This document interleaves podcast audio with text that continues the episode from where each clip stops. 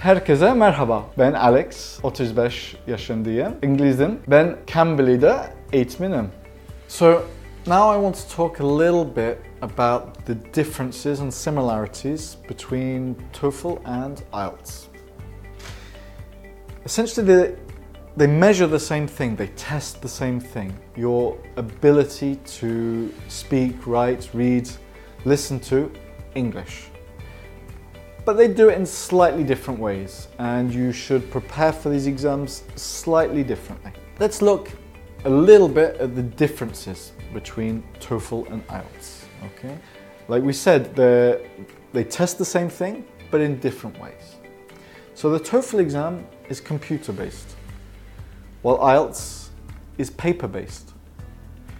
The TOEFL exam is more geared towards American accents, whereas IELTS is more British or international English. TOEFL is um, all multiple choice questions. Okay, when you answer the questions, they will all be multiple choice. Whereas IELTS has a more varied answer section. Okay, you might be asked to finish a sentence or summarize a paragraph. This difference in answers might make TOEFL seem easier, but actually, sometimes the questions in TOEFL are a little bit harder. They have something called an integrated section where you have to use multiple skills at the same time. Okay? Whereas IELTS, the questions are all separate speaking, listening, writing, reading, are all in separate parts. In general, TOEFL is slightly longer than the IELTS test. Now, this is recently changed. TOEFL has been made shorter and this is something I want to cover. All the re most recent changes of TOEFL. This is 1st of August 2019. They made the exam a bit shorter. Okay, so this is less important now. What about what's the same? Well, obviously, they all test listening, reading, writing, and speaking. Also, the price is about the same to take a test. There might be a slight difference, but in general, it's about the same and their availability is the same. If you live in a large city, like I do, in Istanbul, you can take TOEFL or IELTS anywhere. But this is something you might want to check. So, like I said, this year, on August the 1st, 2019, TOEFL was changed. What were those changes? Well, the most significant change was that it was reduced in time from three and a half hours to three hours which is only slightly longer than IELTS. They took out some of the questions, they took out some of the texts, okay? They didn't change the exam, they just changed the format to make it slightly less difficult in terms of concentration, in terms of number of questions you have to respond to. But the actual texts themselves stayed the same. Why did they do this? Well, First of all, it was a business decision. Less people were taking TOEFL. Okay, so now with it being a little bit shorter, it's closer to IELTS. It means that people are less scared to take the TOEFL exam. Imagine sitting, practicing a, a foreign language for three and a half hours. It's not easy. Now it's a bit shorter, it's a little bit more manageable. One of the biggest changes that they introduced on August 1st, 2019 was the My Best score. If you take the IELTS exam, they add up all your scores for reading, writing, etc. And this is your final score. And if you want to improve your score, you have to take the exam again. My Best score allows you to take multiple exams and take the best score from each section from that exam. So let's say in my first exam I had a very good listening result okay, 100. But in the next two exams, I really struggled with the listening, okay? It means I can pick and choose the best results from each section. So you would think, overall, you should be able to get a higher score if you have the money.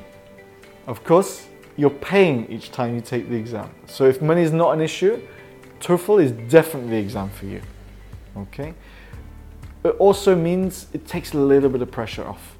Okay, I know taking an exam is a little bit scary, but if you've got this thought in the back of your mind, okay, if I mess up, if I make too many mistakes, if I don't understand a question, at least not the whole exam is lost. Okay? Maybe you get a very low speaking result, but the rest of your exam is fine, is good.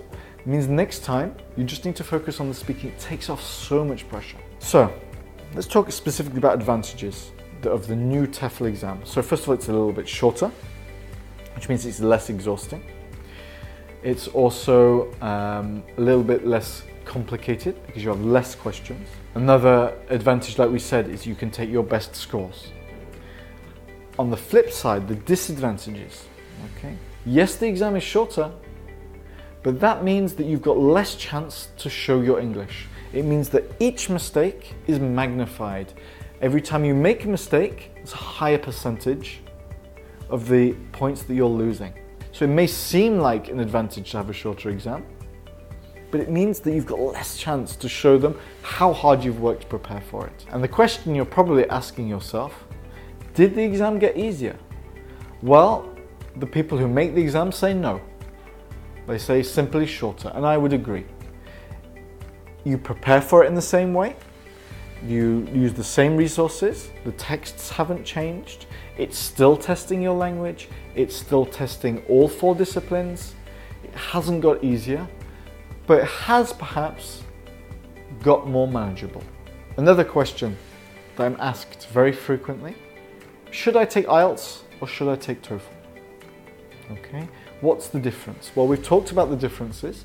Now I'm here to give you some advice. Which one should you choose? IELTS is more geared towards British universities. So if you're applying for a master's degree, IELTS is definitely something to consider. If you know you're going to be applying to an American university, for example, for a master's, TOEFL is definitely the way to go. If you want to give yourself the best chance of getting to the best universities, IELTS academic is the way to go. There's no one right, you should always take TOEFL, you should always take IELTS. It depends on the situation.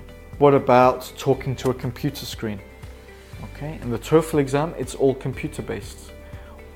Now, while you may be used to writing emails and the writing section may be easier, how easy is it to answer a question and talk for a minute or longer to a computer screen with no feedback, no one looking at you and nodding?